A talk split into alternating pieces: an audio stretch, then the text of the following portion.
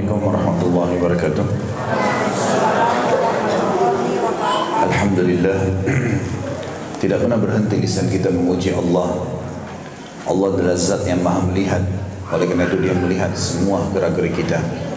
Dan dia maha mendengar Maka dia mendengar semua ucapan kita. Dan juga dia maha mengetahui. Dia maha mengetahui semua niat kita. Allah dengan kemaha murahannya telah memudahkan kita dengan kalimat Alhamdulillah untuk bersyukur dan berterima kasih padanya dan dengan itu dijanjikan agar seluruh kehidupan kita dipenuhi olehnya. Baik makanan, minuman, pakaian, udara, air, api, apa saja. Maka kalimat Alhamdulillah adalah kalimat yang sangat wajar kalau selalu membasahi diri dan bibir seorang beriman. Selanjutnya kita panjatkan salam hormat kita kepada utusan Allah subhanahu wa ta'ala manusia yang telah tersempurnakan jalur nasabnya, fisiknya, ilmunya, orang yang telah membawa kepada kita hukum halal haramnya Allah sehingga kita punya panduan hidup. Kita tahu mana yang dibolehkan dan dilarang oleh sang pencipta Allah. Mengucapkan satu kali salam hormat kepadanya dibalas oleh Allah dengan sepuluh kali tambahan rahmat. Dan rahmat Allah luas sekali. Masuk dalamnya adalah pengampunan dosa peninggian derajat dan pemenuhan segala kebutuhan. Maka sangat wajar setelah memuji Allah Alhamdulillah kita panjatkan salawat dan taslim kepada Nabi besar Muhammad sallallahu alaihi wasallam. Melanjutkan bahasan bedah buku kita. Beginilah seharusnya mendidik anak. Panduan mendidik anak sejak masa kandungan hingga dewasa berdasarkan Al-Quran dan Sunnah yang ditulis oleh Al-Maghribi bin As-Sa'id Al-Maghribi dan kita sudah menjelaskan pertemuan yang terakhir adalah Eh, beberapa poin di antaranya persyaratan dalam pernikahan, syarat sahnya pernikahan, dan beberapa syarat atau syarat sah pernikahan itu bahasan terakhir. Dan kita akan masuk insya Allah pada pagi ini semoga Allah berkahi persiapan pernikahan. Dan tidak jenuh-jenuhnya kita mengingatkan kembali teman-teman sekalian kalau nikah dalam Islam adalah ibadah dan sangat ditekankan kepada setiap muslim dan muslimah terutama yang sudah memiliki al-ba'ah dan saya sudah jelaskan sabda Nabi SAW yang berbunyi man istata'a ya ma'syar syabab man istata'a minkumul ba'ah falyatazawwaj. Wahai sekalian anak-anak muda siapa di antara kalian yang ba'ah ya, sudah mampu maka dia sebaiknya menikah. Dan makna ba'ah di sini mampu secara fisik dan akal. Ya, sebagian kecil ulama masukkan materi. Karena umumnya sahabat Nabi juga ada yang menikah tanpa punya memiliki atau tidak memiliki harta, atau tidak memiliki atau dia tidak mempunyai harta. Maka ba'a di sini dia seorang laki-laki siap untuk menjadi suami, siap untuk mencari nafkah mulai selepas akad nikah sampai selama dia hidup untuk istri dan anaknya. Itu namanya ba'a bagi laki-laki tersebut. Walaupun dia orang miskin, di akad nikah sekarang, maka dia tahu mulai hari itu kewajiban dia memberikan makan istrinya. Kalau punya anak, memberikan anaknya. Dan makna ba'a bagi wanita adalah dia sudah mampu untuk menerima sperma suaminya dan akhir, hamil mengandung anak dan akhirnya menjaga dan membesarkan anaknya. Berapapun umurnya, dia mampu untuk itu, maka disilakan dengan ba'a. Dan ini sudah harus difahami sehingga kita tidak perlu menunda-nunda pernikahan. Dan saya sudah juga jelaskan sabda Nabi SAW sering kita ulangi dari awal bahasan kitab mahkota pengantin sampai ke kitab pendidikan anak ini. Itu yang Nabi SAW mengatakan wa um, wa ankihul akfa aminkum dan menikahlah dengan orang-orang yang akfa atau sepadan dengan kalian dari sisi ekonomi, dari sisi paras wajah, poster tubuh, semua ini harusnya sepadan. Jadi kalau kita menikah dengan orang kita tidak mampu menikah dengan orang yang tidak mampu juga, maka otomatis akan bisa berjalan dengan izin Allah SWT. Nah. Saya akan bacakan ditulis oleh penulis buku di sini persiapan pernikahan.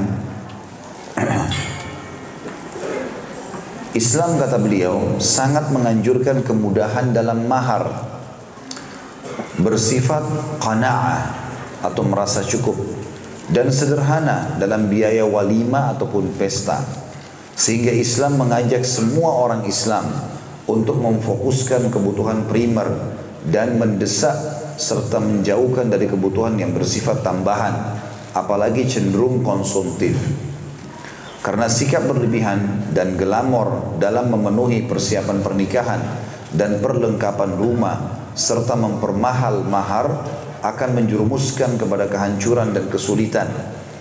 Apabila umat Islam berjalan di atas petunjuk dan manhaj Islam dalam menentukan besarnya biaya dan karakter orang yang layak menikah, bukan mengekor kepada tradisi dan budaya daerah, maka bangunan rumah tangga akan bertata dengan rapi dan indah. Artinya kapan seseorang itu menjadikan sebagai target bahwasanya pernikahan saya adalah sumber pendapatan misalnya sehingga si wanita tidak mau menikah kecuali maharnya sekian puluh juta, sekian ratus juta. Begitu juga dengan orang tuanya si wanita. Kadang-kadang wanitanya sudah mau, orang tuanya malah memahalkan maharnya. Misal, atau misalnya nah, si laki-laki juga memaksakan diri dalam masalah mahar dengan utang misalnya kepada orang lain yang dia tidak tahu dia bisa bayar atau tidak karena dia hanya terlalu suka sama wanita tersebut sementara wanita itu orang mampu semua ini hal-hal yang tidak dianjurkan dalam Islam makin sederhana makin bagus tentu sesuai dengan kemampuan kalau orang itu memang dasarnya kaya raya diadakan di tempat yang bagus pun tidak bersalah karena memang sesuai dengan keadaan dia dan ini ini ini relatif kata ulama. Misal ada orang yang dia pandang 10 juta itu sudah besar. Ya, karena dia pikiran berpikiran di kontrakan dia atau di tempat sewa rumah atau rumah sewahan sudah cukup pasang tenda kemudian diadakan acara sedikit orang datang sudah cukup bagi dia 10 juta sudah sangat besar karena memang bagi dia 10 juta itu mungkin dia kumpulkan sekian lama sekian tahun misalnya tapi ada orang memang dasarnya karena orangnya miliaran, maka dia memandang satu miliar pun seribu juta itu sedikit. Dan memang dia punya kenalan banyak, relasinya banyak, maka dia mengadakan acara yang besar. Ini juga tidak berdosa, tidak masalah. Karena sesuai dengan keadaannya. Yang dilarang tadi dalam paragraf ini, terlalu glamor, berlebih-lebihan. Ini biasanya orang-orang yang tidak mampu memaksakan diri. Jadi akhirnya utang sana sini. Gitu kan. Atau memang juga ada orang kaya raya, sebenarnya dia sudah cukup dengan 100 juta misalnya. Tapi dia sengaja membuat sampai satu miliar, memaksakan. Apalagi nih, harusnya begini, biar orang nukil cerita-cerita tentang pernikahan anaknya. Makanya juga tidak boleh, tabzir namanya, mubadzir. Lebih baik kita jadikan modal buat mempelai itu. Atau kita bersedekah ya, dengan diniatkan agar semoga pernikahan anak ini bahagia misalnya ya. Maka itu juga bagus bertawassul dengan amal saleh misalnya daripada kita berlebihan. Ya. Saya tahu ada tradisi sebagian suku kita di Indonesia itu dijadikan sebagai persaingan antara saudara-saudara perempuan. Ada saudari perempuan misalnya ada tiga orang saudari bersaudara perempuan. Kalau kakaknya dulunya dilamar dengan 30 juta, dia merasa ya tidak baik kalau dia dilamar lebih sedikit dari itu. Maka dia harus mengejar cari laki-laki yang bisa memberikan lebih mahal, 50 juta misalnya. Adiknya lebih besar lagi. Padahal sebenarnya bukan itu tujuan dalam Islam. Kata Nabi SAW, Aktharuhunna baraka, akalluhunna mahra. Wanita yang paling banyak berkahnya justru yang paling sederhana maharnya. Kata beliau di paragraf yang selanjutnya, karena Islam memandang bahwa kebahagiaan rumah tangga bukan bergantung kepada kehidupan glamor dan fasilitas yang mewah dan bukan terletak pada lengkapnya perabot rumah yang tidak ada gunanya dan manfaatnya berlebihan misalnya ya. Tentu kita boleh ya dalam masalah ini jangan disalahfahami kita boleh memiliki rumah yang besar kita boleh memiliki perabot-perabot yang layak yang bagus yang berkualitas boleh. Tapi jangan berlebihan. Jangan berlebihan. Sampai akhirnya ada orang terlalu berlebihannya sampai pada tingkat membeli benda yang sudah tidak tidak layak dengan harga itu. Ya. saya pernah hadir di satu tempat Kemudian saya disampaikan oleh beberapa jemaah, Ustadz lihat nggak itu rak atau laci-laci lemari, ada laci-laci tidak besar mungkin 2 meter saja, yang ada di pojok tadi. Saya bilang iya tahu. Ustadz tahu itu harganya berapa? Enggak, saya nggak tahu. Itu orangnya beli satu miliar. Beli rak harga satu miliar untuk apa gitu ya? Kalau orang berpikir dengan akal sehatnya, mestinya dia belilah sesuatu mungkin mungkin ya semahal mahalnya saya pernah tanyakan beberapa tempat di Jepara dari kayu jati yang mahal, barangnya pun bagus, 20 juta, 30 juta gitu kan. Allah alam kenapa kok sampai semahal itu ya? Artinya satu miliar itu bisa bangun berapa masjid. Ya. Mungkin dua tiga masjid di tempat-tempat daerah yang membutuhkan masjid misalnya. Maka ini mungkin dimaksud terlalu gelamor ya, terlalu berlebihan. Tapi boleh orang punya rumah yang besar, secukupnya kalau dia butuh ya berapa banyak supaya jangan sampai juga ketergantungan kita terhadap dunia berlebihan. Lalu dikatakan oleh beliau, yang dimaksud di sini dengan perabot rumah yang tidak ada guna dan manfaatnya maksudnya memang berlebihan. Dia beli tidak ada gunanya, menumpuk-numpuk. Penentu kebahagiaan bukan ada pada penampilan dan bentuk lahir, namun pada hakikat dan amal perbuatan. Begitulah yang telah ditetapkan oleh Rasulullah SAW dan para sahabat dalam kehidupan mereka, serta pada para generasi pilihan setelah mereka. Dari Ali bin Abi Thalib radhiyallahu anhu bahwa Rasulullah wasallam menyiapkan pernikahan Fatimah dengan satu baju satu gayung mandi dan satu bantal yang berisi rumput idkhir. Ya. Kayak zaman dulu orang isi itu ya. Kayak kita kapok sekarang ya. Juga dari Jabir bin Abdullah radhiyallahu anhu dia berkata, saya ikut hadir dalam walimah Ali dan Fatimah radhiyallahu majma'in dan tidak pernah aku lihat acara walimah yang lebih indah dan khidmat daripada itu. Kami membawa selimut, kurma dan anggur dan kami makan bersama dan selimut Fatimah pada malam pengantin tersebut terbuat dari kulit kambing kibas. Artinya pernikahannya sederhana dan kami pun beramai-ramai datang menyumbang, membawa. Salah satu hal yang mungkin yang luput dari kita sekarang bahwasanya bukan aib teman-teman sekalian kalau ada orang yang menyumbang dan memberikan sesuatu. Nabi Alaihissalam waktu menikah dengan Sofia, beliau merayakan sampai tiga hari.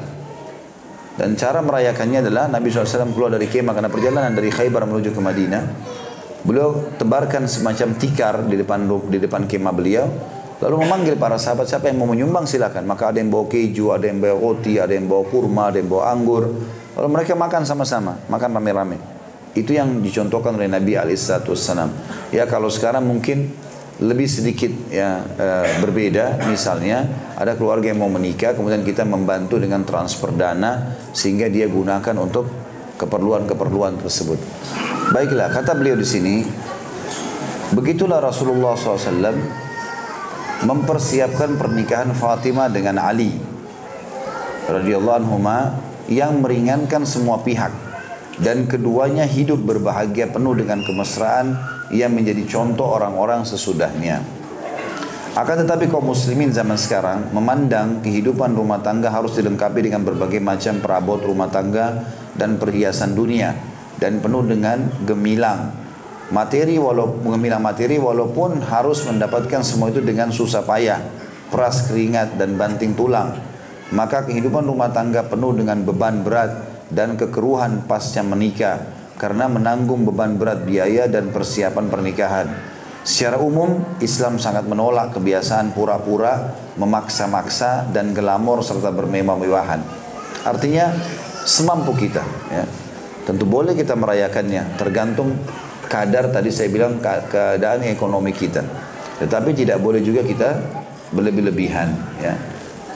Baik orang yang miskin memaksakan diri atau orang yang kaya terlalu berlebih-lebihan sehingga membuat orang-orang ya menilai itu tidak baik ataupun dia terlalu memaksa diri akhirnya dia menanggung utang yang berat setelah pernikahan selesai. Dari poin ini, dari tadi masalah persiapan pernikahan, penulis membagi beberapa poin. Poin yang pertama pesta akad nikah dan dan wanita.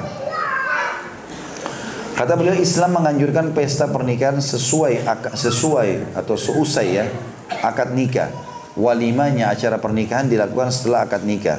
Karena pernikahan adalah ikatan suci dan acara sakral yang harus dihadiri orang-orang yang soleh dan baik.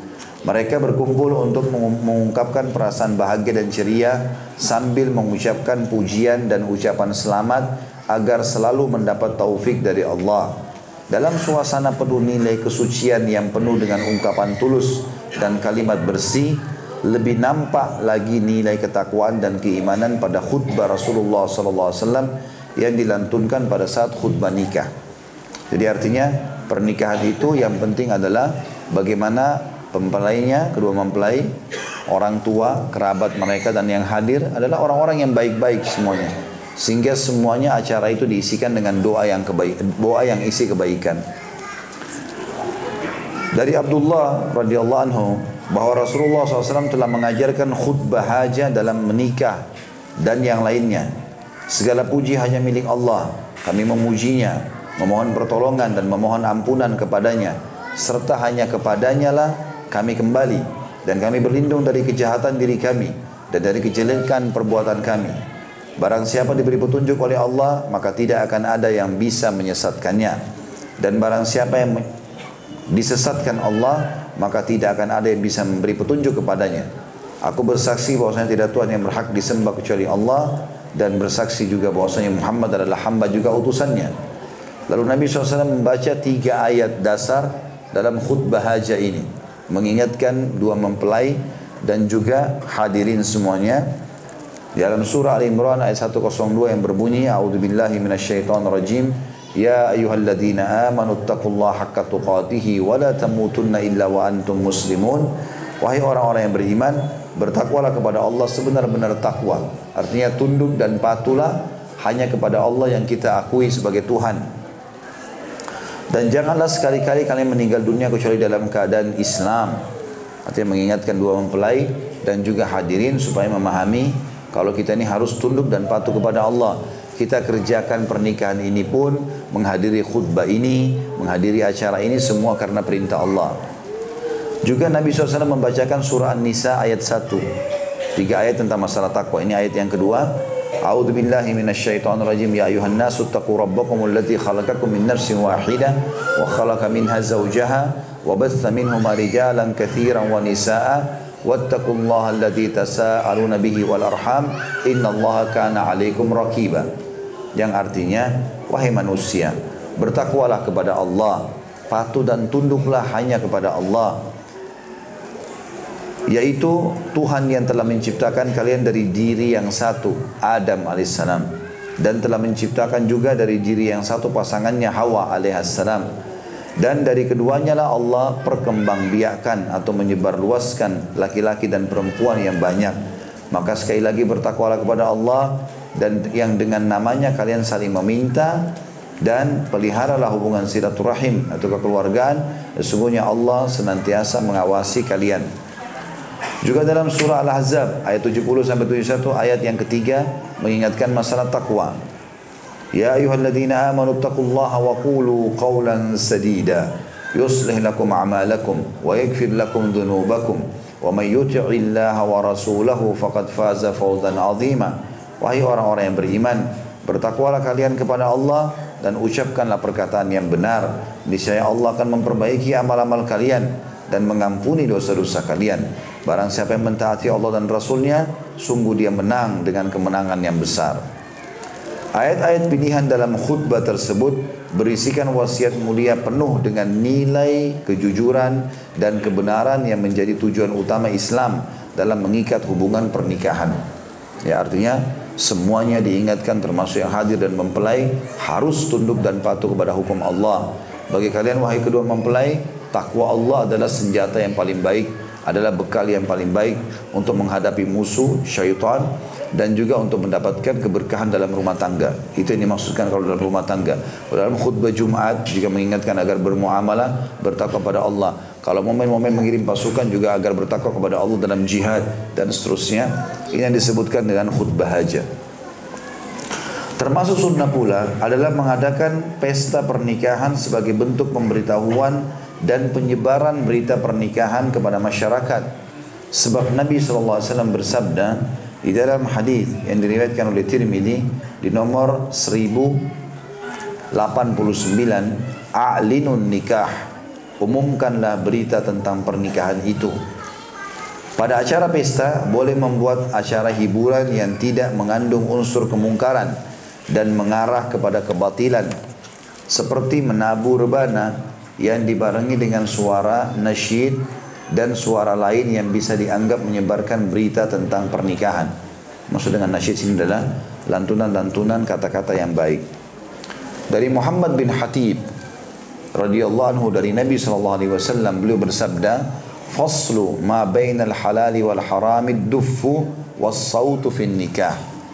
Pembeda antara halal dan haramnya dalam masalah hiburan adalah memukul rebana dan suara dalam pernikahan. Artinya dibolehkan dalam pernikahan untuk memukul rebana ini. Juga dari Aisyah radhiyallahu anha bahwasanya Nabi SAW bersabda, "A'linu hadzal nikah waj'aluhu fil masajid wadribu alaihi bid-dufuf." Umumkanlah pernikahan itu dan lakukanlah nikah itu sendiri di masjid serta ramaikan setelah itu kalau kalian sudah dalam acara walimanya lagi makan dengan pukulan rebana. Ini diriwayatkan oleh Imam Tirmidzi nomor 1090 dan dihasankan oleh Syekh Albani. Hanya saja kalimat dan dijadikan di dalam masjid tidak masuk di dalamnya. Hal ini atau hal itu tidak perlu dipermasalahkan karena kebiasaan ini telah berjalan sejak zaman Rasulullah SAW dan orang-orang terbaik setelahnya para sahabat dan para tabiin. Dari Amir bin Sa'ad radhiyallahu anhu dia berkata, aku menemui Quraza bin Ka'ab dan Abu Mas'ud Al-Ansari dalam suatu pesta pernikahan. Maka tiba-tiba para budak wanita bernyanyi. Maka aku berkata, kalian berdua adalah sahabat Rasulullah SAW dan termasuk pasukan perang Badar. Sementara ada perbuatan seperti ini di depan kalian. Keduanya berkata, duduklah dan dengarkanlah bersama kami. Jika kamu tidak mau pergilah. Karena Rasulullah SAW telah membolehkan kepada kami hiburan pada waktu pesta walima pengantin. Ini diriwayatkan oleh An-Nasai nomor 3383 dan dihasankan oleh Syekh Albani dan ini disebutkan juga disahihkan oleh Al-Hakim dalam Mustadrak jilid 2 halaman 201. Karena hiburan pada saat seperti itu bisa meredakan penat, lelah dan letih pikiran serta membuat wajah berseri-seri dan hati berbunga-bunga. Inilah bagian karakteristik Islam yang sel yang selalu sesuai tabiat dan kebutuhan jiwa manusia. Tentu ulama juga membatasi di sini sebenarnya kalau pukulan rebana untuk kaum wanita. Karena umumnya riwayat ini menjelaskan masalah wanita, gitu kan. Seperti tadi budak wanita ini wanita, gitu kan. Dan masalah mereka memukul di depan dua orang sahabat ini maksudnya adalah mereka berada di bagian wanita hanya terdengar oleh kaum laki-laki. Jadi misalnya di bagian dalam rumah perempuan semua tamunya, di bagian luar laki-laki. Lalu di bagian dalam ada wanita yang memukul rebana, ya untuk menghibur para kaum wanita. Maka itu dibolehkan. Laki-laki pun sampai mendengarkan tidak masalah. Dan ini bukan berarti perempuan itu lalu melakukan di depan para kaum laki-laki sehingga terjadi fitnah-fitnah. Itu bukan yang dimaksud dalam bahasan ini tentunya. Namun banyak kaum muslimin yang telah keluar dari manhaj ini sehingga mereka masuk kepada sikap berlebihan dan sembrono maka di antara mereka ada yang menjadikan kesempatan ini untuk bersantap ria, menikmati hidangan maksiat dan kefasikan, serta melanggar perintah Allah. Hal itu bukan merupakan manifestasi syukur atas karunia dan nikmat Allah dan tidak layak untuk menjadi sarana pembuka pintu berumah tangga dan memulai ikatan nikah yang suci. Namun di sisi lain ada yang bersikap ekstrim, menolak sama sekali adanya hiburan sehingga acara pesta menjadi sempit dan sunyi sebaik-baik petunjuk adalah ajaran Nabi SAW yang mengandung nilai kemudahan dan sunnah yang lurus. Ya. Artinya tidak boleh juga sunyi sama sekali. Ya. Tetapi bukan juga orang berlebihan. Berlebihan seperti memanggil para penyanyi-penyanyi wanita, terbuka aurat gitu kan. Kemudian membiarkan tamu-tamu berkumpul sehingga dan berkumpulnya berbau dalam arti ikhtilat sehingga akhirnya laki-laki dan perempuan bisa saling melihat, bisa saling kenalan, bahkan sering terjadi perzinahan. Ya, dengan cara mereka ketemu di acara tersebut si anak perempuan ini keluar dengan penampilan tercantiknya anak laki-laki ini dengan tertampannya lalu kemudian mereka ketemu diadakan acara itu kebetulan di hotel lalu mereka janjian dan berzina lah mereka. Maka ini tentu bisa menjadi dosa bagi pembawa acara ya atau pemilik acara. Tetapi yang benar adalah memang kaum wanita dibolehkan di antara mereka memukul rebana dan kaum laki-laki kalau sampai mendengarkan itu pun tidak dilarang ya kalau mereka pas hadir di situ tapi ini cukup hanya terbatas pada rebana, tidak boleh yang lain. Jadi tidak benar kalau dalam dalam piano misalnya atau gitar dan segala macam ini tidak dibenarkan di dalam syariat Islam, baik pernikahan atau di luar pernikahan. Kalau pernikahan hanya dibolehkan tadi memukul rebana ini sebagaimana sudah dijelaskan riwayatnya. Karena ada juga orang yang terlalu ekstrim sama sekali tidak tidak mendengarkan apa-apa. Sementara pernah ada riwayat juga disebutkan Nabi SAW pernah jalan bersama Aisyah mendatangi pernikahan seorang ansar Maka Nabi SAW tanya kepada Aisyah, apa yang akan kau ucapkan kepada mempelai wanita nanti? Dia bilang, saya tidak tahu ya Rasulullah. Lalu Nabi SAW ajarkan, ucapkanlah kalimat-kalimat ini. Nabi ajarkan kalimat-kalimat yang membawa kepada kebahagiaan, ketentraman. ya. Karena memang pada saat itu saatnya orang gembira. Saatnya orang bergembira. Mirip juga dengan Idul Adha, Idul Fitri. Saatnya orang gembira. Ya, Nabi SAW mengatakan Idul Adha adalah hari-hari dan hari tasyrik, hari-hari makan. Bahkan dalam dikatakan dan hari-hari berhubungan biologis. Ada kebahagiaan dalam Islam. Ya, pernah juga Nabi SAW lagi duduk di Idul Fitri, kemudian ada beberapa wanita, budak wanita memukul rebana di hadapan Aisyah. Lalu Abu Bakar masuk. Lalu Nabi lalu Abu Bakar mengatakan, apakah ada anak panah syaitan di rumah Nabi SAW? Kata kata Abu kata Nabi SAW, Hai Abu Bakar biarkanlah karena ini adalah hari Idul Idul Fitri dan biar Yahudi mengetahui kalau kita punya hiburan dalam agama kita. Tapi hanya pukulan rebana, yang lain tidak ada. Begitu riwayatnya. Makanya Syekh Albani rahimahullah membatasi dengan itu. Ya, membatasi dengan itu supaya tidak langsung masuk atau berlebihan sehingga akhirnya terjerumus pada pelanggaran-pelanggaran agama. Poin nomor dua dalam masalah persiapan pernikahan selain tadi masalah di poin pertama pesta akad nikah dan wanitanya atau apa yang wanita boleh kerjakan memukul rebana tadi. Yang kedua walima acara sendiri makan-makan dan doa buat pengantin. Islam telah menganjurkan kepada suami agar mengadakan walima untuk memberikan makan kepada sanak kerabat, teman-teman dan fakir miskin serta orang-orang susah sebagai bentuk ungkapan rasa syukur kepada Allah dan pengakuan atas segala karunia-Nya dan tidak perlu memaksakan kemampuan karena Allah Subhanahu wa taala berfirman dalam surah At-Talaq ayat 7 A'udzu billahi minasyaitonir rajim la yukallifullahu nafsan illa ma ataha al-ayah Allah tidak membebani seseorang melainkan sesuai dengan apa yang diberikan Allah kepadanya. Setelah akad nikah seharusnya diadakan walima dan walima istilah untuk acara makan-makannya. Sebab Nabi SAW memerintahkan kepada Abdurrahman ibn Auf radhiyallahu anhu pada saat dia menikah, beliau bersabda barakallahu laka aulim walau bishad. Semoga Allah memberkahimu maka adakanlah walima walaupun hanya menyembeli seekor kambing. Hadis ini tentu diriwayatkan oleh Imam Bukhari jadi 9 halaman 221 dan Imam Muslim jadi 2 halaman 1042. Juga berdasarkan hadis Buraidah bin Husayb radhiyallahu anhu bahwasanya ketika Ali melamar Fatimah dia berkata bahwa Rasulullah SAW bersabda innahu la budda lil ursi min walima. Sesungguhnya setiap pernikahan harus ada walimahnya. Hadis ini riwayat Ahmad jilid 5 halaman 359 dan juga An-Nasai menyebutkan di nomor 10088.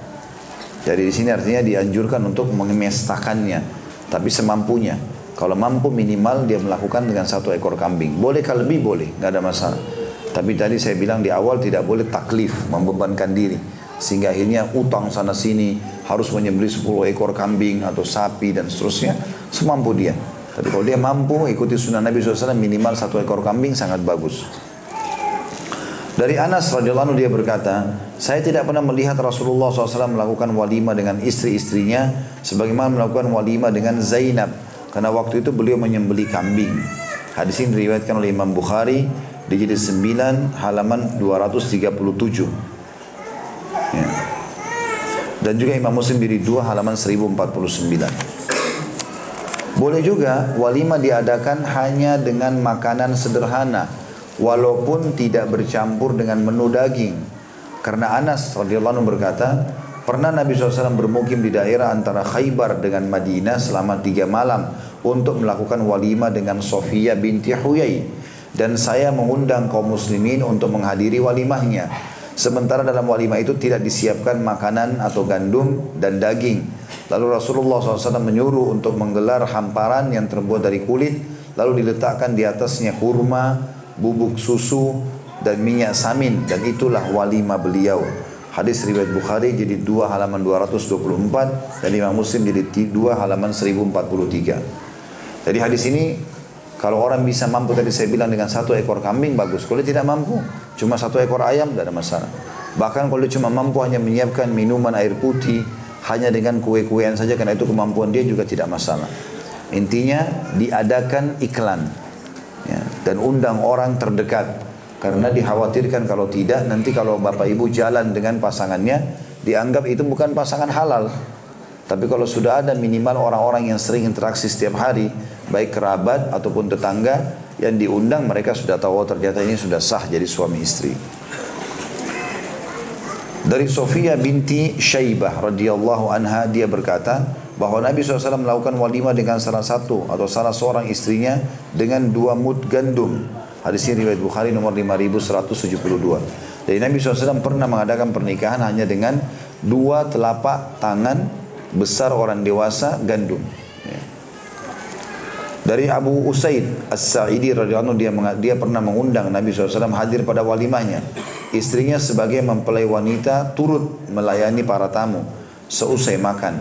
Rasulullah SAW diberi minum dari air rendaman kurma yang baru direndam pada malam harinya. Hadis ini diriwayatkan Bukhari nomor 5176, 5182, 5183, Imam Muslim nomor 2006. Artinya Abu Abu Usaid As-Sa'idi radhiyallahu anhu tidak punya kemampuan. Bahkan yang dia mampu adalah menghidangkan kurma saja buat tamu-tamu. Nah supaya ada minumannya dan bukan air putih, kurma sebagian kurma direndam di air itu. Sehingga ada air kurma dan ada makan buah kurmanya sendiri. Dan itu Nabi SAW konsumsi dan Nabi SAW tidak tegur sama sekali. Artinya perintah Nabi SAW kepada Abdurrahman bin Auf, Aulim walau bisyad, iklankan walaupun dengan seekor kambing. Karena Nabi SAW tahu Abdurrahman orang mampu. Maka dikatakan minimal kau lakukan itu. Tapi kalau orang tidak mampu boleh bagaimana saja yang dia lakukan dari walimah tersebut. Tidak boleh mengkhususkan undangan hanya untuk orang kaya. Atau tidak boleh mengkhususkan undangan hanya untuk orang kaya saja tanpa mengundang orang miskin. Karena Nabi SAW bersabda, Syarrut ta'ami ta'amul walimah, yumna'uha may ya'tiha wa yud'a ilaiha may ya'baha. Wa man la yujibid da'wata faqad asallaha wa rasulah. Seburuk-buruk makanan adalah makanan walimah. Orang-orang yang mau datang kepadanya dihalangi darinya. Misalnya orang-orang miskin mau makan tidak boleh karena tidak diundang. Dan orang-orang yang menolak datang malah diundang kepadanya. Malah orang-orang yang punya jabatan karena diharapkan datang malah tidak datang. Barang siapa yang tidak mendatangi undangan maka dia telah bermaksiat kepada Allah dan Rasulnya. Hadis ini diriwayatkan oleh Imam Bukhari di nomor 5177, Imam Muslim di nomor 110 dari Abu Hurairah radhiyallahu anhu. Hadis ini teman-teman memberikan pelajaran kepada kita bahwasanya walimah yang kita adakan itu jangan ditutupi terutama untuk orang-orang miskin. Dan ada orang sebagian mengadakan walimah pernikahan pokoknya hanya untuk orang yang diundang saja sehingga kalau ada orang miskin lewat tidak dikasih makanan sama sekali bahkan diusir. Nah, kita undang orang yang kita inginkan tapi kalau ada orang miskin lewat, kasih. Atau di antara undangan, wajar kalau bercampur antara miskin sama kaya. Dan kita kalau menjadi tamu tidak boleh sombong. Kalau seandainya kita menjadi tamu, kata Nabi SAW, siapa yang tidak menghadiri walima, dia telah maksiat kepada Allah dan Rasulnya. Artinya, jangan sampai dia lihat yang undang ini orang miskin. Kemudian dia lihat, ternyata yang datang juga orang-orang miskin. Dia tidak mau datang. Ini nggak boleh. Dia datang, dia berbaur dengan kaum muslimin. Dianggap dia maksiat kepada Allah subhanahu wa ta'ala. Juga dikatakan siapa yang diundang untuk menghadiri walimah hendaklah datang. Berdasarkan hadis di atas dan juga sabda Nabi SAW, "Idza du'iya ahadukum ila al-walimati falyatiha." Bila salah seorang antara kalian diundang untuk menghadiri walimah hendaklah dia datang kepadanya. Hadis ini riwayat Bukhari di nomor 5173 dan Imam Muslim nomor 1429. Jadi ini tentu teman-teman sekalian poin yang sangat ditekankan oleh para ulama sabda Nabi SAW kalau kalian tidak ada udur nggak ada alasan bukan karena sakit bukan karena adalah masalah dan mudaratnya maka hadir. Ya kita dianjurkan hadir. Jadi jangan kita tidak hadir hanya karena alasan oh orang yang undang kan orang miskin. Oh saya ini e, kalau saya datang nanti akan begini dan begitu itu tidak ada urusannya. Dan kalau kita tidak bisa bilang dari awal maaf saya nggak bisa datang karena ini dan itu. Saya berapa kali dikasih undangan saya bilang maaf saya nggak bisa datang. Bertepatan pada tanggal itu misalnya safar nggak mungkin gitu ya. Yang memungkinkan untuk datang. Atau memang sudah terlanjur ada acara keluarga yang tidak mungkin saya tunda maka itu baru saya sampaikan kalau saya tidak bisa jadi jangan sampai kita terima undangan ternyata kita sengaja tidak mau datang ya. Nah ini bisa bermaksiat kepada Allah dan Rasulnya. Tentu yang pernah melakukannya harus istighfar kepada Allah ya.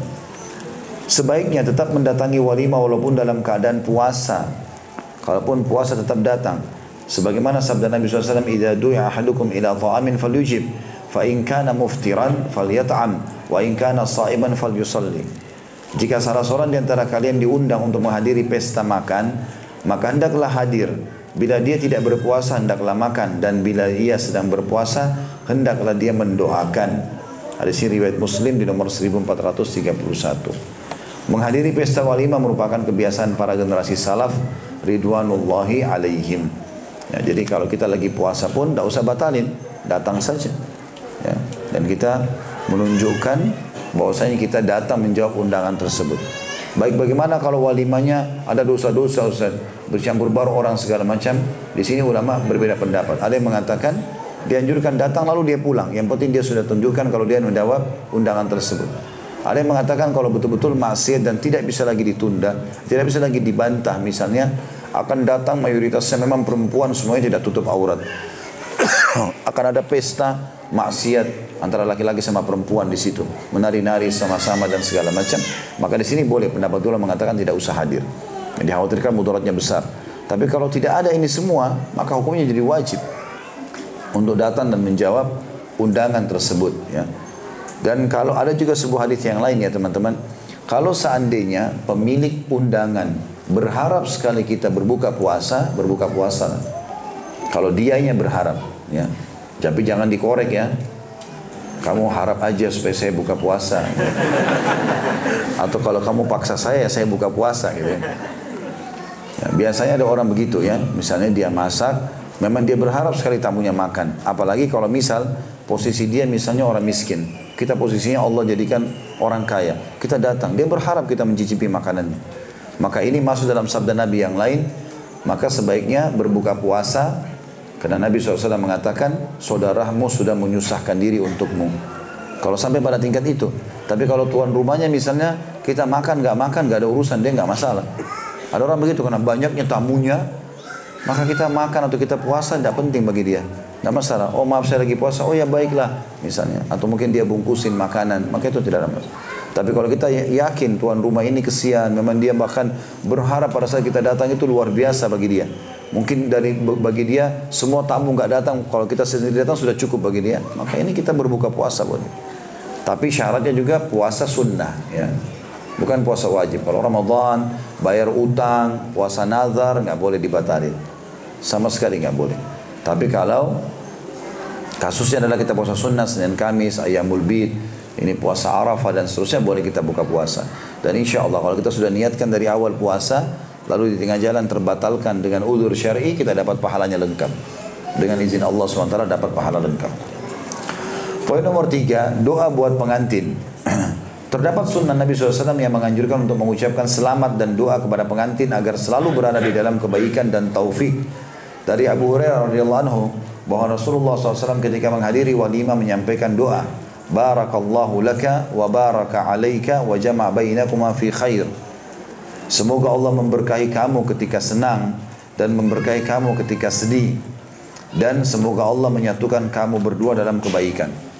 Hadis ini diriwayatkan oleh Abu Dawud di nomor 2116 dan Tirmidzi di nomor 1097. Juga Ibnu Majah menyebutkan di nomor 1905. Hadis ini teman-teman kalau terjemahan ya, lainnya, ini kan ada terjemahan di sini, semoga Allah memberkahi kau ketika kau senang. Ini maksudnya semoga Allah selalu berkahi hidupmu. Ya, tidak harus ada istilah senang sebenarnya. Wa baraka alaika dan semoga kau selalu diberkahi dalam setiap keadaanmu. Tidak ada makna terjemahan di sini ketika sedih. Ya, karena maksudnya adalah kamu kan sekarang lagi senang nih orang semua kalau menikah kan umumnya senang gembira maka semoga kebahagiaanmu ini selalu diberkahi artinya sepanjang hidupmu ada kebahagiaan ini. Itu yang dimaksud dengan makna ini sebenarnya. Dan semoga Allah satukan kalian berdua dalam kebaikan, maksudnya dalam ketaatan dan rezeki yang luas. Ini sunnah kita mendoakan orang-orang yang sudah menikah atau sementara menikah. Ummul Mukminin Aisyah radhiyallahu anha berkata bahwa ketika Nabi SAW menikahiku, maka ibuku mendatangiku. Lalu aku dibawa masuk ke rumah maka tiba-tiba terdapat banyak wanita ansor di dalam rumah. Lalu mereka berkata, semoga tetap berada di dalam kebaikan dan keberkahan. Semoga selalu berada di atas kebaikan yang langgeng. Hadis ini riwayat Bukhari nomor 3894, 5133, 5134 dari Imam Muslim 1422. Artinya dari riwayat Aisyah radhiyallahu anha ini boleh orang juga tidak menggunakan lafaz barakallahu laka wa baraka alaika wa jama' bainakuma fi khair. Bisa kita pakai lafaz lain. Intinya kita doakan kebaikan, keberkahan supaya Allah langgengkan rumah tangganya. Mengucapkan doa dengan lafaz apa saja boleh kata beliau. Namun pengguna atau menggunakan lafaz yang berasal dari Rasulullah SAW adalah penuh berkah Kebaikan dan lebih menghidupkan syiar Islam. Poin nomor empat Nasihat di malam pengantin. Nasihat sangat penting dan bernilai sangat mulia Karena akan banyak memberi pengaruh Sehingga pendidik pertama manusia menganjurkan kepada kita agar memberi nasihat pada malam pernikahan kepada kedua pasangan. Inilah wasiat seorang bapak kepada putrinya di malam pertama. Dia berkata kepada putrinya, "Wahai putriku, ketahuilah. Yang pertama, ketentramanmu sangat bergantung kepada ketentraman suamimu. Artinya kapan kau buat dia tentram, kau pun akan tentram. Tahu mana tentram ya? Hatinya tenang, ya, pikirannya tenang, lingkungannya nyaman, ya semua itu dimasukkan dengan tentram. Kalau salah satunya luput, tidak tentram namanya. Tentram itu sudah bergabung semuanya semua jenis kesenangan. Ya, baru dikatakan orang tentram. Maka dinasihatkan seorang ayah nasihatnya anak perempuannya ketentramanmu tergantung pada ketentraman suamimu. Kalau dia pulang, rumahmu nyaman, kamu juga nyaman menyambutnya, makanannya nyaman, tempat tinggalnya nyaman, maka itu adalah ketentraman yang akan kau dapatkan dari suamimu juga. Karena bahagia atau sengsara salah satu pasangan sangat ditentukan oleh yang lain. Maka waspadalah dari segala perkara yang bisa memicu kebencian. Sebab bisa jadi akan diikuti dengan kebencian lain sehingga tidak ada kesudahannya. Jadi mulai sekarang kau akan mulai berumah tangga, ingat selalu tentramkan pasanganmu kau juga akan tentram. Dan jangan membuka pintu pemicu apa pun dalam pertengkaran. Seperti mulai mengangkat suara, ya, menggunakan kata-kata yang menyinggung perasaan ya dan segala macam hal ini tidak boleh. Poin nomor dua nasihatnya adalah taatilah suamimu dengan bersungguh-sungguh dan hindarilah ejekan, hinaan dan pembicaraan yang ngelantur. Hindarilah sikap berlebihan karena itu adalah atau itu menjadi kunci talak atau perceraian dan hindarilah sikap suka mengumpat dan memaki karena itu akan menimbulkan dendam dan permusuhan. Jadi poin nomor dua, si ayah menasihati anak perempuannya selalu taati suamimu. Selama bukan pelanggaran, iya. Saya berharap begini, baik. Saya mau makan ini, baik. Saya mau ajak kau keluar, baik. Semuanya iya. Saya mau ajak kamu safar, iya. Ya, kita dahulukan dia. Ini harus hati-hati ya. Wasiat penting bagi setiap wanita. Kalau sudah punya suami, memang Allah menggantungkan nasib ibu-ibu, akhwat kita pada suami itu. Walaupun kita anggap dia orang baru. Selama kita sudah terima akad nikahnya, maka dia sekarang di atas ayah. Ya. Saya pernah nasihatin istri saya. Kebetulan dia panggil ayahnya dengan Abi. Saya bilang, kalau kira-kira sekarang dalam dalam dalam pemahaman yang kamu fahami, Abi ini harus dipatuhi enggak? Iya. Kalau berkata kasar, durhaka enggak? Iya. Maka aku sekarang posisinya lebih daripada abimu itu. Mengingatkan saja. Harus hati-hati. Karena ini bukan karena kita mau dihormatin, tapi agama suruh itu. Supaya dia faham, ini adalah ibadah yang harus dikatakan mendekatkan diri kepada Allah melalui pasangan kita. Yang ketiga, jagalah kesehatanmu dan hindarilah segala bahan kosmetika yang menipu kecantikan dan keelokan wajah dan penampilanmu. Sebab bahan kosmetika akan meninggalkan bekas dan lubang-lubang kecil di kulit dan semakin lama bertambah lebar sehingga merusak keindahan asli kulit yang nampak pada wajah wanita muda yang belum pernah terkena kosmetika dan bedak. Bisa dibuktikan bahwa lipstik yang dikenakan oleh seorang wanita terkadang masuk ke perut bersama ludah, maka berubah menjadi racun sehingga proses keguguran dan gangguan kehamilan banyak diakibatkan oleh bahan-bahan kosmetika dibanding dengan yang lain. Artinya boleh orang berdandan tapi jangan sampai tidak peduli dengan kehalalannya ya karena banyak yang tidak halal. Ya. Tapi kalau itu halal, jelas, aman, tidak ada masalah. Ya, nggak ada masalah. Yang ketiga atau yang keempat, Pikullah seluruh tugas dan beban kewajiban dan ketahuilah semua urusan luar rumah menjadi urusan pribadi suamimu dan semua pekerjaan dan tugas dalam rumah menjadi tanggung jawab pribadimu. Artinya urusan luar rumah itu urusan suamimu. Tidak usah kamu campur, tidak usah diganggu gugat kecuali kalau memang kalau kamu tahu itu haram baru ingatkan. Urusan rumah nggak ada urusan sama suamimu. Kamu yang harus kerjakan semua. Apa pun itu sifatnya dalam rumah tanggung jawabmu pribadi. Dan ini kalau difahami seperti ini, suami bertugas di rumah, perempuan bertugas di dalam rumah, maka akan aman rumah tangga itu. Tapi akan kacau balau kalau saling tumpah tindih. Si perempuan mau kerjakan pekerjaan laki-laki, laki-laki mau kerjakan pekerjaan perempuan. Atau kadang-kadang ada pasangan memaksa istrinya atau suaminya untuk kerjain juga. Di hari libur, suaminya saatnya istirahat, malah disuruh cuci baju. Malah disuruh ini dan itu. ya Ini tidak benar. Suaminya lagi butuh waktu untuk istirahat.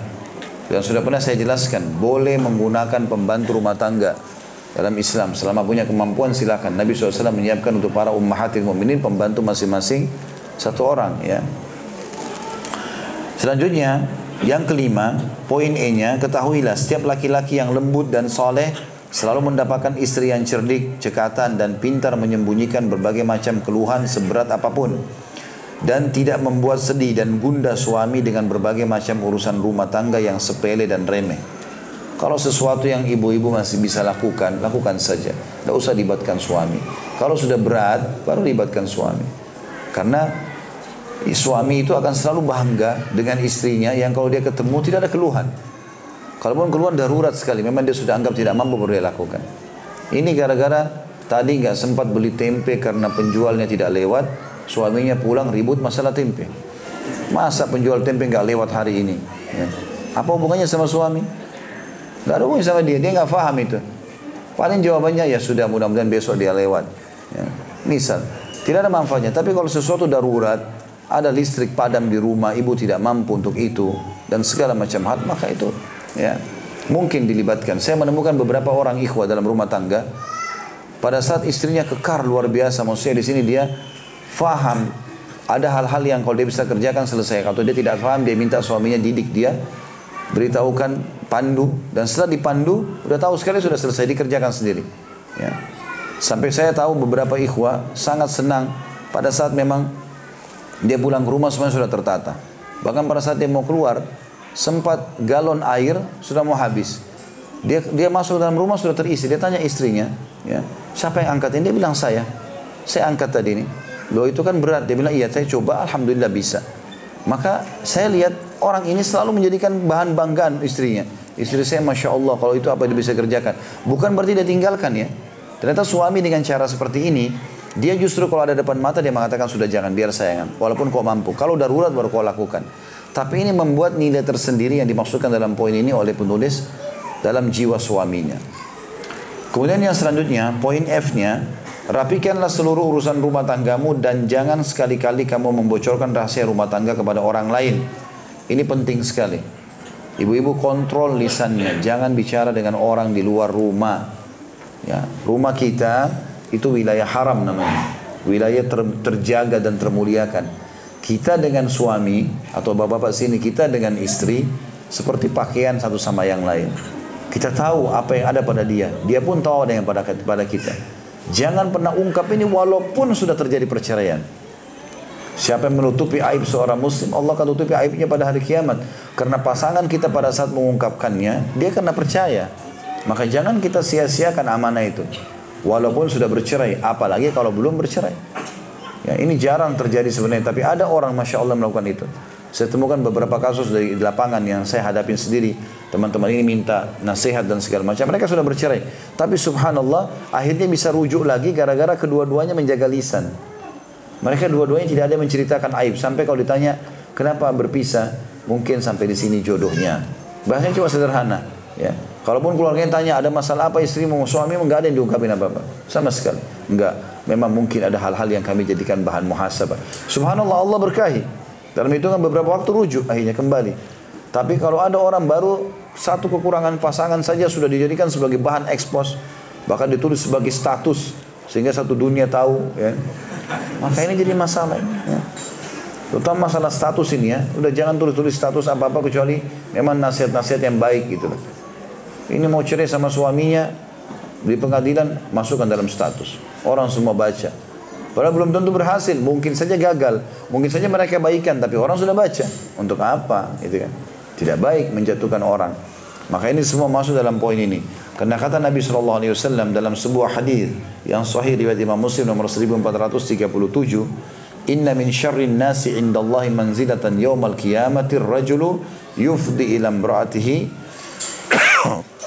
tufdi ilai thumma yanshuru ahaduhuma sirra sahibihi sesungguhnya di antara manusia yang paling buruk kedudukannya di sisi Allah pada hari kiamat yaitu laki-laki yang menggauli istrinya dan istrinya yang menggauli suaminya. Maksudnya sudah saling berbaur saling terbuka pakaian saling mengetahui kekurangan. Kemudian salah seorang di antara keduanya menyebarluaskan rahasia pasangannya. Nah ini saya bilang termasuk masalah kalau orang sudah cerai. Udah selesai, kita nggak cocok, kita sudah komunikasikan, musyawarahkan, tidak bisa ketemu, ya sudah cerai. Orang tanya apa pun tidak usah kita ceritakan. Itu antara kita sama pasangan kita. Walaupun itu adalah sudah bercerai. Apalagi kalau saya masih satu rumah. Saya pernah bilang itu teman-teman, jangan kita menjadi orang yang lewat di jalan, orang lihat kita seakan-akan orang lihat kita tanpa berpakaian, karena semua sudah tahu. Dia datang kepada temannya sebulan, saya pun cerita ya masalah saya, tapi tolong jangan cerita orang lain. Pesan kepada si A, pertama, diceritalah sama dia. Ternyata dia ketemu sama orang yang lain, masih tidak cukup curhatnya. Saya mau cerita ya, tapi jangan cerita orang lain. Satu kantor semua pesannya begitu. Apa gunanya dia bilang jangan cerita ke orang lain dan dia sendiri yang cerita. Gitu kan? Dia sendiri yang cerita. Para kaum salafus saleh terkenal teman-teman kalau mereka lagi bertemu dengan orang lain, walaupun bersahabat lama, itu tidak pernah sama sekali mereka mengungkapkan apa-apa. Pernah mengungkapkan apa-apa. Subhanallah, walaupun dengan teman dekatnya sendiri. Ya. Ini poin yang harus dipegang dan akhirnya muncul rasa hormat dari pasangan. Itu yang terjadi. Saya tahu dari istri saya, subhanallah dia sampaikan ke saya. Dia bilang, Alhamdulillah saya sampai sekarang, kami 19 tahun berumah tangga. Dia bilang, saya sampai sekarang belum pernah menceritakan apa pun dalam rumah ini kepada orang lain. Termasuk ada sahabat dekatnya. Dia bilang sahabat dekat ini pun saya belum pernah sampaikan apa-apa. Saya bilang Masya Allah. Kalau begitu sangat baik. Sehingga orang tidak tahu apa-apa. Tentang kami orang nggak tahu. Orang cuma tahu ini berumah tangga selesai. Gitu kan. Dan akhirnya itu membuat rasa hormat muncul lebih besar daripada dari pasangan itu. Maka itu penting. Saya pun begitu kalau ada masalah apa-apa, mungkin ada sesuatu yang perlu diluruskan. Tidak perlu saya bicara sama semua orang maka cukup saja kalau memang betul-betul saya nasihatin, butuh orang ketiga hadir, itu pun dari orang pihak orang tua misalnya, yang bisa dipercaya selesai. Kalau libatkan orang lain tidak ada. Karena berbahaya. Yang kita ajak ngomong ini cuma dua keadaan. Teman atau musuh. Kalau dia teman dia sedih, kalau dia musuh dia senang. Makanya jadi masalah. Bahkan bisa dijadikan senjata dalam permasalahan kita itu. Kata beliau, makna hadis ini yakni setelah seseorang mempergauli istrinya, dia lalu menceritakan kepada orang lain seputar rahasia hubungan badan mereka, baik berupa perkataan, gerakan, atau yang lainnya. Poin G-nya, janganlah kamu membuka surat-surat suamimu tanpa seizinnya. Dan jangan sampai kamu merengek-rengek untuk mengetahui sesuatu yang dirahasiakan oleh suamimu. Ya, ini sudah pernah saya bilang sama ibu-ibu. Jangan ambil tugasnya malaikat. Ya usah. Malaikat udah catat. Tidak usah fudul, cari tahu ini, cari tahu itu. Yang kelihatan depan mata, benar dukung, kalau salah, ingatkan. Selesai. Tidak usah kita mau jadi pahlawan kesiangan, mau tahu semuanya. Enggak. Kalau Allah tutup ya sudah. Allah maha melihat, maha mengetahui. Dan dia punya Tuhan yang akan menghukum dia kalau dia salah. Gitu kan? Ada hal-hal teman-teman Allah tutupi buat kita, justru baik buat kita. Justru baik, karena kalau dibuka malah jadi masalah. Kata sebagian ulama salaf, Mungkin seseorang di antara anda, ya kata mereka, kata mereka dalam dalam nasihatnya, mungkin seseorang di antara anda ini menganggap atau bersangka buruk kepada Allah pada saat mau keluar rumah ternyata hujan, pakaiannya belum siap, makanannya pada saat mau makan belum ada, mungkin pada saat dia mau menikah ditolak, mungkin pada saat dia sudah uh, pada saat di waktu tertentu dia sakit, dia bersangka buruk semuanya. Padahal sebenarnya kalau Allah bukakan dia hal yang gaib tentang kejadian-kejadian tersebut, maka dia akan sujud syukur kepada Allah karena ternyata ada hal-hal buruk yang sudah Allah selamatkan. Ada orang tidak tahu, mungkin dia lamar orang ditolak. Dia lalu bersangka buruk. Tidak, bisa saja itu baik. Kita kan niatnya baik. Mau menikah, tapi ditolak. Berarti ada kebaikan di situ. Gak mungkin salah. Oh kita niatnya baik kok. Pasti Allah SWT memang menghalangi itu karena ada sesuatu. Tidak mungkin tidak. Ada beberapa ikhwah saya lihat beritanya. Dia sudah ditolak berapa kali tapi tetap datang kepada orang yang sama. Subhanallah setelah dipaksakan akhirnya menikah. Terjadilah hal-hal yang dia sendiri menyesal setelah itu. Ya, ternyata memang ada masalah dengan mertuanya, ada masalah dengan penyakit, ada masalah dengan ini, tidak bisa punya anak, segala macam. Kalau dari awal dia sangka baik sama Allah, niatnya baik ikhlas melamar lalu ditolak ya sudah. Lalu dia istikharah minta kepada Allah, minta petunjuk mana yang terbaik ya Allah. Yang dia lamar diterima Alhamdulillah, dimudahkan. Seperti itulah. Musia memulai semua dengan sangka-sangka baik. Ya. Jadi teman-teman jangan campurin hal yang tidak perlu kita ketahui. Di sini wasiat untuk wanita diingatkan. Surat-surat suamimu apa pun, kalau perlu silakan. Kalau enggak, enggak. Ada kakak kandung saya, Masya Allah sekarang mungkin berumah tangga sudah 30 tahun lebih ya 35 tahun. Masya Allah tidak pernah ribut sama suaminya. Saya duduk, saya tanya kakak saya sendiri, kakak kandung saya. Kenapa kak? Apa rahasianya? Kenapa kok bisa tidak ribut? Dia bilang yang paling pertama, saya tidak pernah memeriksa apa pun yang berhubungan sama suami saya kalau saya tidak diminta saran. Dan sampai hari ini, dia bilang sama saya, beliau tinggal di Makassar. Sampai hari ini, saya nggak pernah tahu siapa yang ada di kontak HP suami saya. Saya nggak tahu. Saya sangka baik sama dia, maka dia pun jadi sungkan sama saya. Berjalan rumah tangga dengan sangat baik.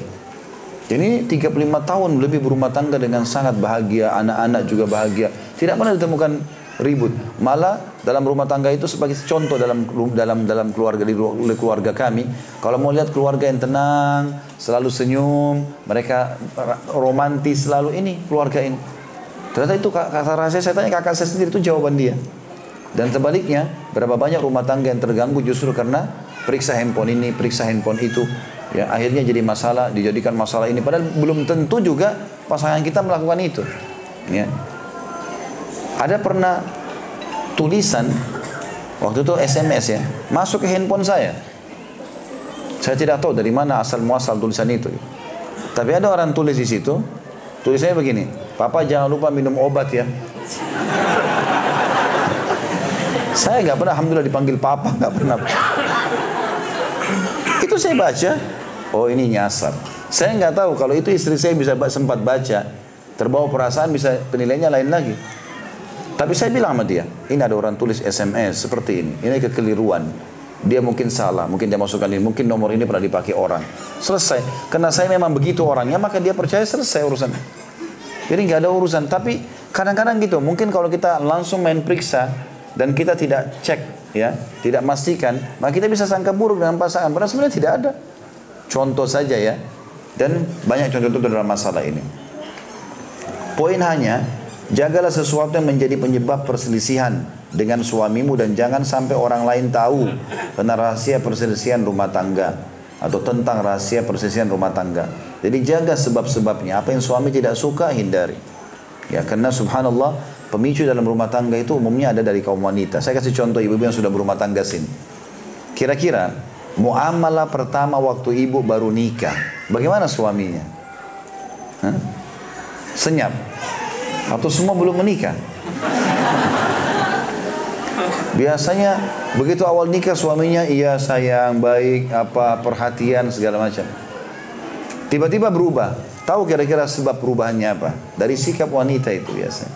Dia yang mulai mulai mengubah itu sendiri. Mengubahnya itu dengan cara mulai dia berkata-kata ini, mulai dia berprasangka. Suaminya kadang-kadang dari awal pasti masih ingatkan, sudahlah jangan sangka buruk. Kadang-kadang kalau sudah mau minta cerai pun, sudahlah jangan cerai. Selalu begitu. Umumnya selalu begitu.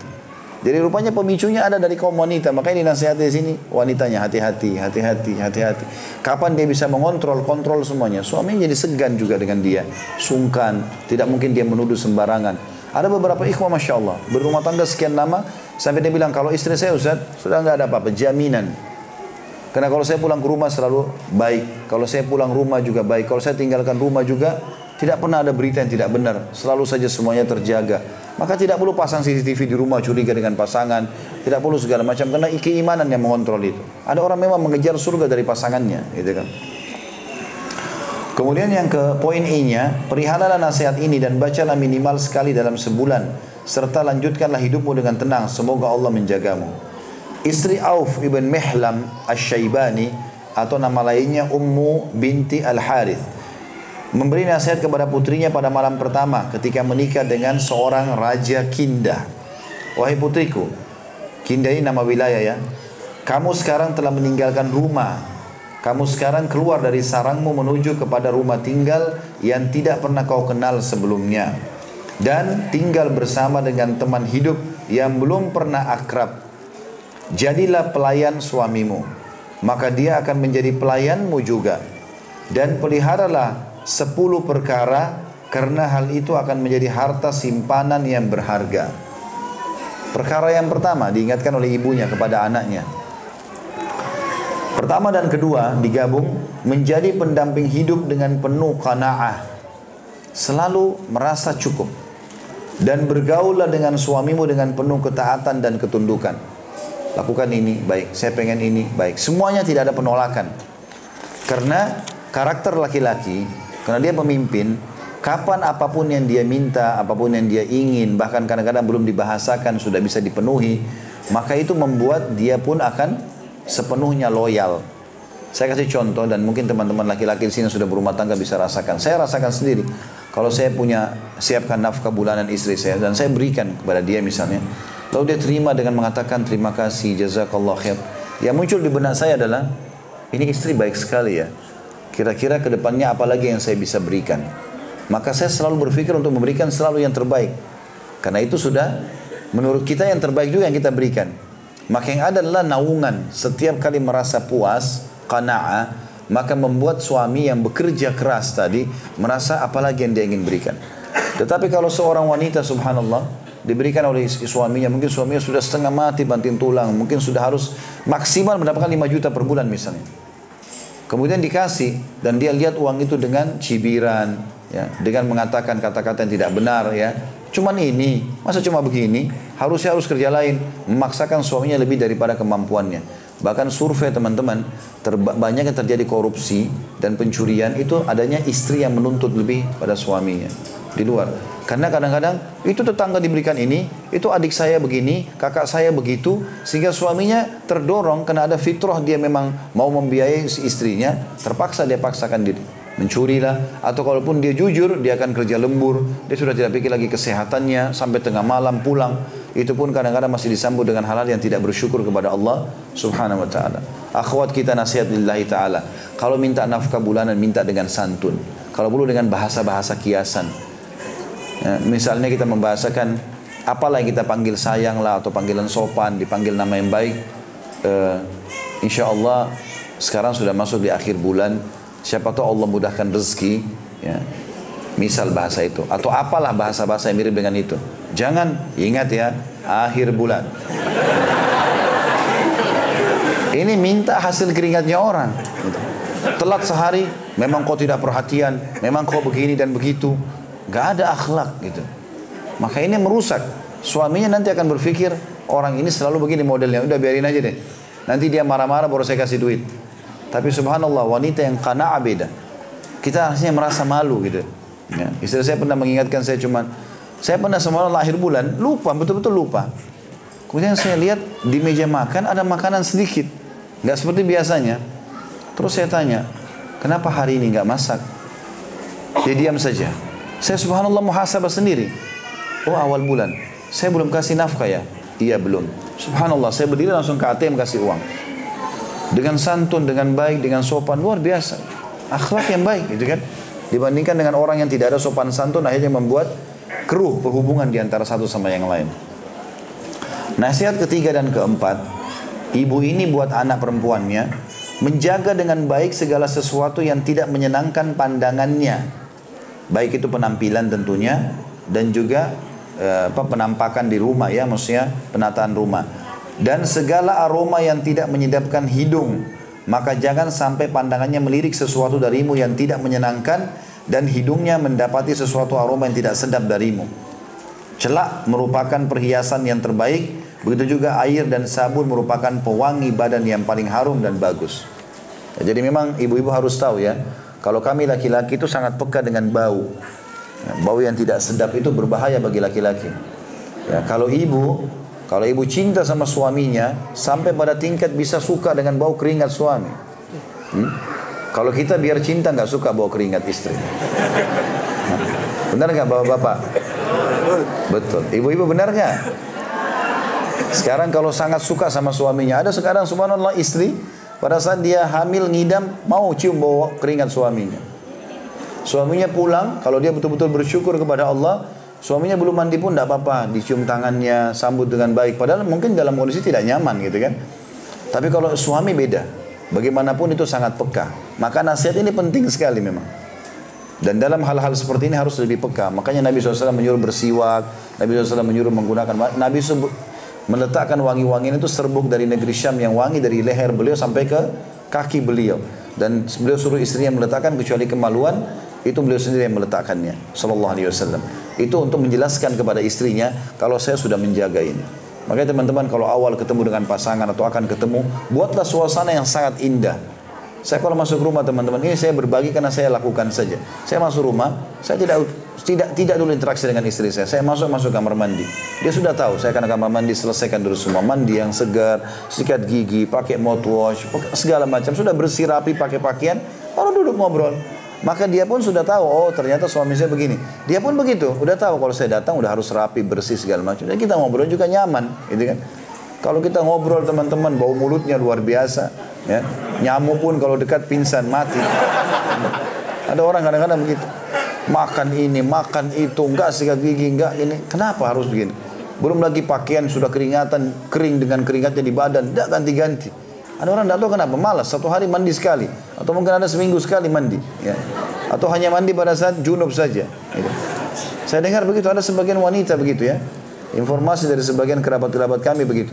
Jadi dia mau keramas nanti kalau mandi junub saja. Kalau nggak mandi junub berarti nggak keramas. Kenapa? Rambut kan butuh dirawat. Kata Nabi SAW dalam hadis yang sahih, Man kana lahu syarfal yukrimhu. Siapa yang Allah karuniai rambut, dia harus memuliakannya. Merawatnya gitu kan. Terutama kaum wanita. Maka harusnya dijaga semua ini. Dimaksudkan dengan celak di sini, kalau teman-teman bisa menemukan celak ithmet, berapa kali saya ingatkan itu ya. Alif, sa, mim, dal, ithmet. Kalau orang lagi umroh haji bisa pesan. Ya, ini kata-kata Nabi SAW, gunakanlah ithmet karena dia akan menguatkan pandangan mata dan menumbuhkan bulu mata. Ya, tapi di situ ada yang panas, ada yang dingin ya. Makanya perhatikan kalau beli ithmet, kalau lagi umroh atau haji, biasa banyak di toko-toko dekat-dekat masjid itu dijual murah 10-15 real harganya ya. Itu serbuknya ada yang har dan ada yang barit. Har artinya panas barit artinya dingin. Nah biasanya di timur tengah orang Arab pakai di musim dingin yang panas ya. Yang yang yang panas dipakai di musim dingin sebaliknya. Ya, jadi yang panas dipakai musim dingin yang dingin dipakai di musim panas gitu kan. Jadi jangan sampai bapak ibu beli salah nih. Beli yang panas beli selalu yang dingin aja. Kalau saya ingatkan jemaah saya beli yang tulisannya barit ba alif ra dal. Barit ya. Jadi dia dingin terus karena memang lokasi kita di Indonesia kan sepanjang tahun cuacanya kurang lebih seperti ini.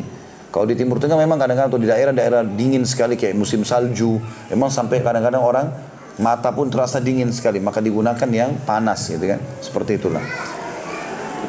Dan juga yang dimaksud dengan air dan sabun paling baik katanya seringlah kamu mandi ya. Dan tidak dilarang mandi berulang kali dalam Islam. Kemudian kelima dan keenam Perhatikanlah waktu makan suamimu dan jagalah ketenangan pada waktu tidurnya. Sebab perihnya perut menahan lapar bisa mengakibatkan emosi dan terganggunya tidur bisa membuat tegang urat saraf. Kalau suamimu lagi istirahat ya sudah biarkan dia beristirahat. Jangan dibangunkan sampai betul-betul memang berhubungan dengan waktu sholat, hal-hal yang mendasar baru. Kalau enggak biarin dia istirahat. Habis istirahat baru kemudian kita berbicara insya Allah. Kemudian yang ketujuh dan kedelapan jagalah rumah dan harta suamimu dengan baik dan perihalalah diri, kehormatan dan keluarganya sebab inti kesuksesan urusan adalah kebaikan dalam mengatur segala sesuatunya. Artinya rumahmu ditata dengan bersih, dengan rapi seperti yang suami suka. Seperti apa sih? Karena pemandangan, saya pernah bilang ibu-ibu waktu kita bahas mahkota pengantin, ada tiga hal rahasia laki-laki kalau dikuasai, maka suami pasti akan jatuh cinta dan sayang. Yaitu pandangan mata yang pertama. Karena Nabi SAW mengatakan tentang ciri wanita ahli surga yang kalau kau lihat padanya kau akan senang. Dan kalau kau titahkan dia akan patuh. Mana senang kata ulama hadis dirincikan. Pakaiannya bagus, warna yang suaminya suka, penampilan rambutnya, sisiran rambutnya bagus seperti suaminya suka, dan segala macam hal. Yang kedua adalah perutnya, makanan. Nah, jadi makanan kesukaannya dia kasih, hidangkan itu. Saya pernah kasih contoh itu. Kalau suami suka selalu tempe goreng, walaupun ibu suka mau masak yang lain, tetap ada tempe goreng di dekat piringnya. Jangan pernah bilang, kamu nggak bosan ya makan itu terus. Udah biarin aja. Dia makan harus ada kerupuk, nggak apa-apa, harus ada sambal. Kasih. Yang lain mau ditambah menunya silahkan. Yang kesukaannya taruh di situ. Yang ketiga kemaluannya, biologisnya. Kapan ibu penuhi ini, dompetnya terbuka. Lah iya, pulang rumah berantakan ya mau makan tidak ada makanan. Diajak biologis nggak mau. Terus pesanannya banyak nggak ada. Diblokir semua. Ketujuh dan kedelapan ya, jagalah rumah dan harta suamimu dengan baik dan pelihara diri kehormatan dan keluarganya. Sebab inti kesusahan urusan itu adalah kebaikan dalam mengatur segala hal yang sudah kita jelaskan tadi ya.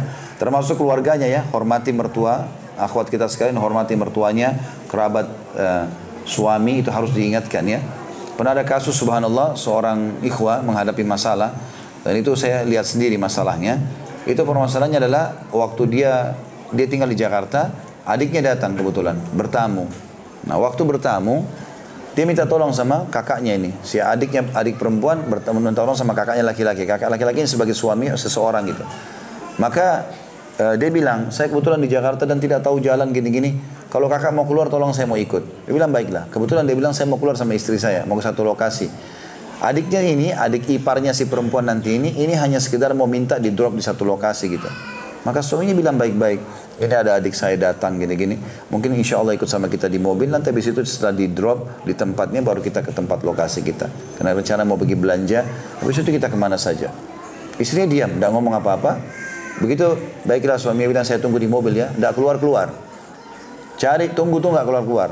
Ya, adiknya juga ini, adiknya si suami sudah nunggu. Ya, tapi bukan di lokasi itu harus dijemput di satu tempat. Begitu dia masuk, istrinya sudah tidak pakai pakaian keluar lagi. Ditanya kenapa? Udah kamu pergi aja sama adik kamu. Loh kenapa? Adik saya ini datang cuma sesekali kok. Enggak. Pokoknya hari ini buat saya, kalau ada orang lain enggak usah. Susah. Enggak mungkin dihapus status adiknya suami kita. Gitu kan? Apalagi cuma sekali-kali datang. Coba mengalah teman-teman sekalian. Insya Allah dengan itu maka dia merasa kita perhatian terhadap keluarganya dan ini juga akan menambah perhatian dia kepada keluarganya ibu otomatis itu. Karena ada wanita egois dia mau keluarganya diperhatikan tapi keluarga suaminya enggak. Maka itu keliru. Ini poin yang ke 7 dan ke 8. Yang terakhir ke 9 dan ke 10 digabungkan. Janganlah kamu menebarkan rahasia dan membangkang perintah. Sebab bila kamu suka menebarkan rahasia, pasti kamu tidak aman dari khianat dan bila kamu membangkang perintahnya, pasti kamu akan membuat hatinya sumpah. Jangan menampakkan kegembiraan di saat dia sedang sedih dan jangan menampakkan kesedihan di saat dia gembira. Sikap yang pertama bersumber dari keteledoran dan sikap yang kedua memancing kekeruhan. Jagalah harga dirimu dengan baik, jangan sampai selingkuh. Maka dia akan semakin menaruh rasa hormat kepadamu. Berusahalah untuk selalu bersikap menerima, maka dia akan selalu berusaha sejalan denganmu. Ketahuilah, kamu tidak akan mendapat kecintaan suamimu sehingga kamu lebih mendahulukan kerelaannya daripada kerelaanmu dan mendahulukan keinginannya daripada keinginanmu dalam segala hal yang kamu cintai dan kamu benci. Semoga Allah memberi memberikan perlindungan dan kebaikan kepadamu. Terakhir penutupnya adalah tidak boleh seorang pengantin menampakkan auratnya kepada para tamu undangan Allah telah menjadikan aturan dalam masalah ini secara sempurna dan juga lengkap. Sampai sini bahasan kita insya Allah. Kesimpulannya adalah bagaimana wasiat-wasiat yang baik yang disampaikan oleh penulis ini dari dua statement. Satu dari seorang laki-laki mewasiatkan anak perempuannya dan satu lagi seorang ibu wasiatkan kepada anak perempuannya agar bagaimana mereka menjaga muamalah yang baik dengan pasangannya. Allahu a'lam. Begitu saja. Subhanakallahumma bihamdika, syahadu an la ilaha illa anta astaghfiruka wa atubu ilaik. Wassalamualaikum warahmatullahi wabarakatuh.